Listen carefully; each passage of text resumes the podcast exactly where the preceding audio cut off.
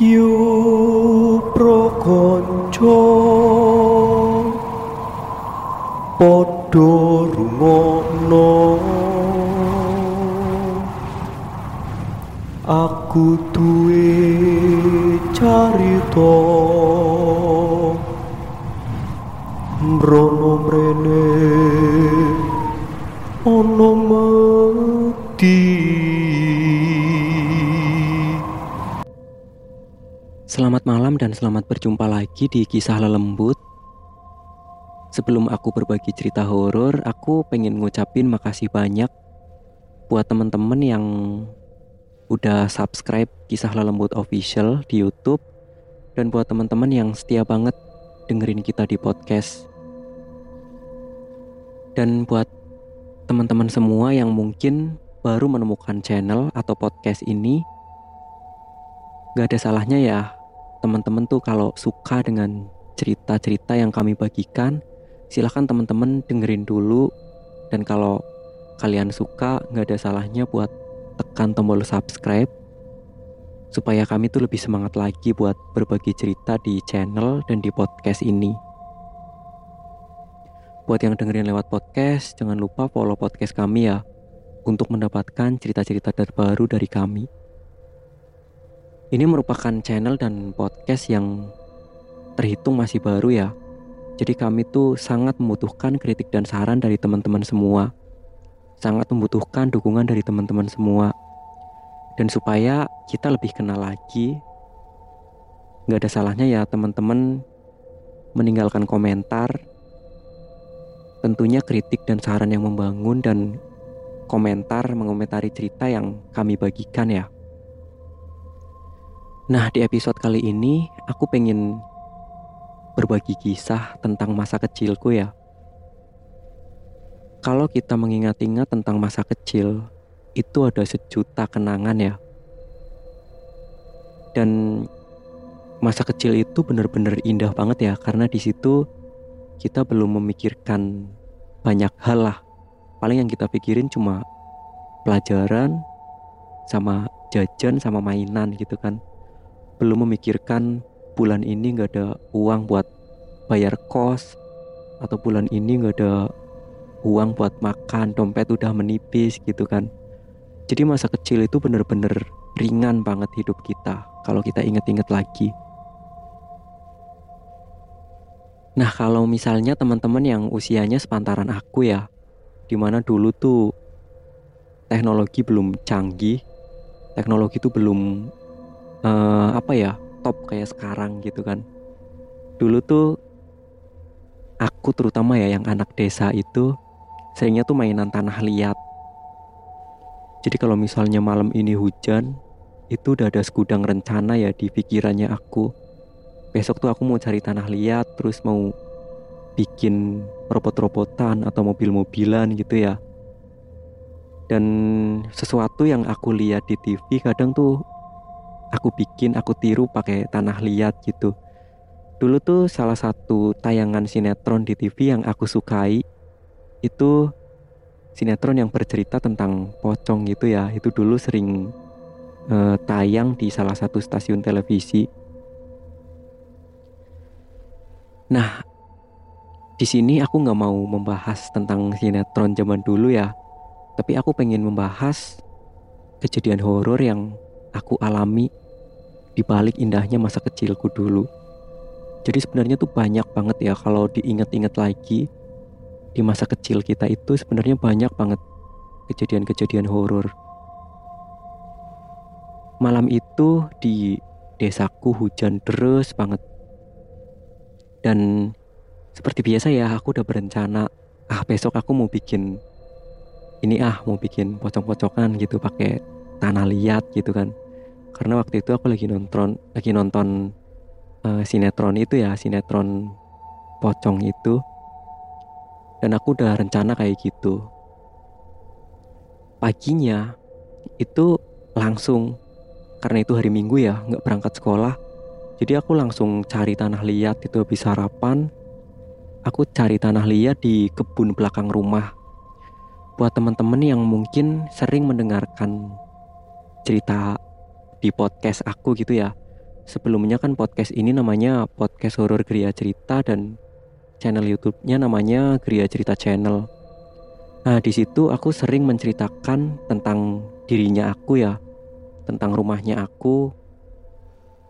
Di mana di situ tuh di belakang rumahnya aku ada sebuah kebun yang cukup luas ya. Baru aja kemarin sekitar beberapa hari yang lalu ya di episode 27 kalau nggak salah. Itu aku juga bercerita tentang kebun yang ada di belakang rumahku ya. Malam itu aku rekaman podcast di kebun itu dan itu terdengar ada suara cewek ketawa gitu. Seakan-akan tuh cewek itu kayak menertawakan apa yang aku ucapkan gitu kan. Nah, waktu aku kecil, aku sering cari tanah liat di kebun yang ada di belakang rumahku. Pagi itu sekitar jam 8 itu aku cari tanah liat ya.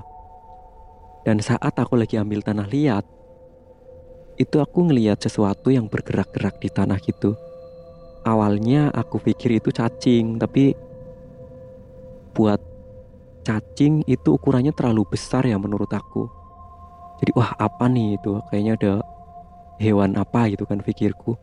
Mungkin kelabang atau apa, tapi aku tuh anak yang rasa penasarannya tinggi banget ya. Jadi walaupun sesuatu itu tuh menggeliat-geliat gitu dan itu masih tertutup tanah liat ya jadi aku nggak bisa lihat jelas aku tetap ambil sesuatu yang menggeliat-geliat itu dan aku bersihkan tanah yang melekat di sesuatu itu ya dan saat tanah itu udah bersih itu aku ngeliat ternyata yang menggeliat-geliat itu ada kukunya. Iya bener banget, yang menggeliat-geliat itu ternyata potongan jari manusia. Aku langsung buang benda itu kan.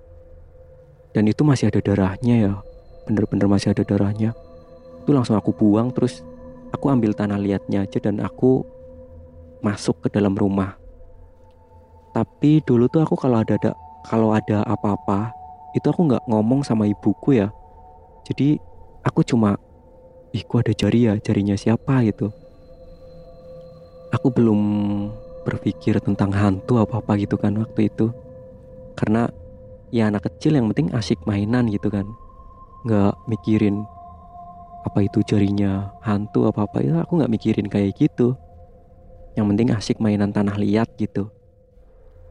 Ya itu kejadian horor yang aku alami ya itu baru salah satunya.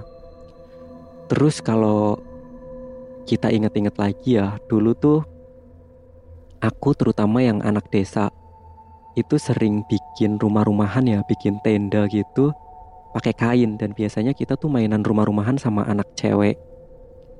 Main rumah-rumahan main pengantin-pengantinan gitu ya anak-anakan gitu. Dan suatu hari itu di kebun belakang juga yaitu di kebun belakang rumahku. Itu aku bikin rumah-rumahan sama temen aku. Dia namanya Angel. Aku bikin rumah-rumahan sama Angel terus sama beberapa orang kawan lainnya ya. Nah hari itu seharian kita mainan rumah-rumahan pengantin-pengantinan gitu anak-anakan. Waktu itu kalau nggak salah aku yang jadi suaminya terus Angel istrinya gitu ya dan sampai maghrib sampai menjelang maghrib lah. Itu kami belum mandi. Aku juga sampai dimarahin sama ibuku kan waktu itu. Karena mainan sampai maghrib banget sampai lupa waktu gitu. Akhirnya aku Angel dan teman-teman yang lainnya itu pulang. Terus mandi. Jadi rumah-rumahan itu kain-kainnya tetap terpasang ya kayak tenda gitu. Tetap terpasang sampai malam. Dan malamnya sekitar habis maghrib itu aku sama temen-temen mainan petak umpet ya. Aku mainan petak umpet terus aku kebetulan malam itu ngumpetnya sama Angel. Dan kita berdua tuh ngumpet ke belakang rumah ya ke kebun itu. Dan kita baru ingat wah ini rumah-rumahannya belum dibongkar nih gitu aku bisik-bisik sama Angel kayak gitu kan Dan waktu itu samar-samar di dalam rumah-rumahan yang tertutup sama kain itu ya. Itu aku denger kayak ada suara anak-anak pada mainan gitu. Ketawa-ketawa gitu. Aku sama Angel heran kan. Kayaknya udah ngumpet di sini nih gitu. Terus ah langsung aja kita kagetin gitu siapa ya yang ngumpet di sini gitu.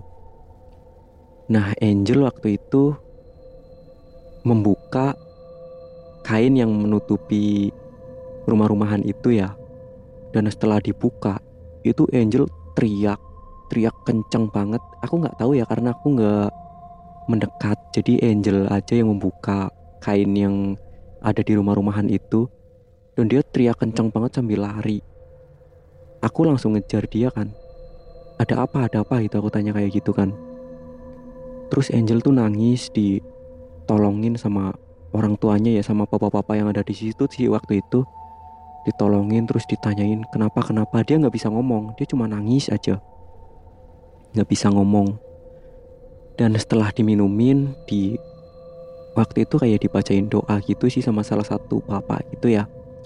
Itu dibacain doa terus orang tuanya Angel dateng gitu kan dan ditanyain lah kenapa setelah Angel tenang Angel itu cerita katanya tadi waktu membuka kain rumah-rumahan itu di sana ada sosok kecil ya, kecil banget katanya sebesar bayi. Tapi sosok itu ada taringnya ya. Di sisi-sisi mulutnya itu ada taringnya yang mencuat gitu. Dan katanya tuh mukanya hitam banget. Katanya waktu Angel membuka kain rumah-rumahan itu dia tuh menyeringai ke Angel gitu. Wah aku juga sempat ketakutan kan waktu itu dan selama beberapa waktu itu kita nggak mainan rumah-rumahan pakai kain ya. Walaupun akhirnya kita main-main rumah-rumahan pakai kain itu lagi. Sorry ya bro kalau misalnya agak gelibet apa gimana gitu. Soalnya ini aku agak merinding juga. Ini aku ceritanya tengah malam ya. Ini sekitar jam tengah satu dan mungkin ini dulu yang bisa aku bagikan ya cerita pengalaman masa kecilku, mungkin aku juga bakalan uh, bikin playlist khusus ya di YouTube yang isinya tuh cerita-cerita tentang kisah yang aku alami waktu kecil gitu. Jadi buat temen-temen tuh yang pengen denger cerita horor yang aku alami waktu kecil itu nyarinya lebih mudah tinggal masuk ke playlist itu aja gitu ya. Oke buat sementara ini dulu ceritanya.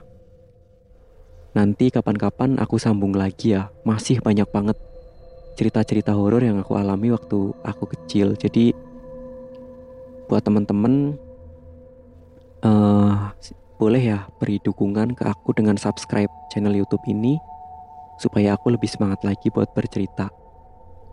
Dan buat teman-teman yang punya cerita horor juga boleh ya cerita bareng aku di sini.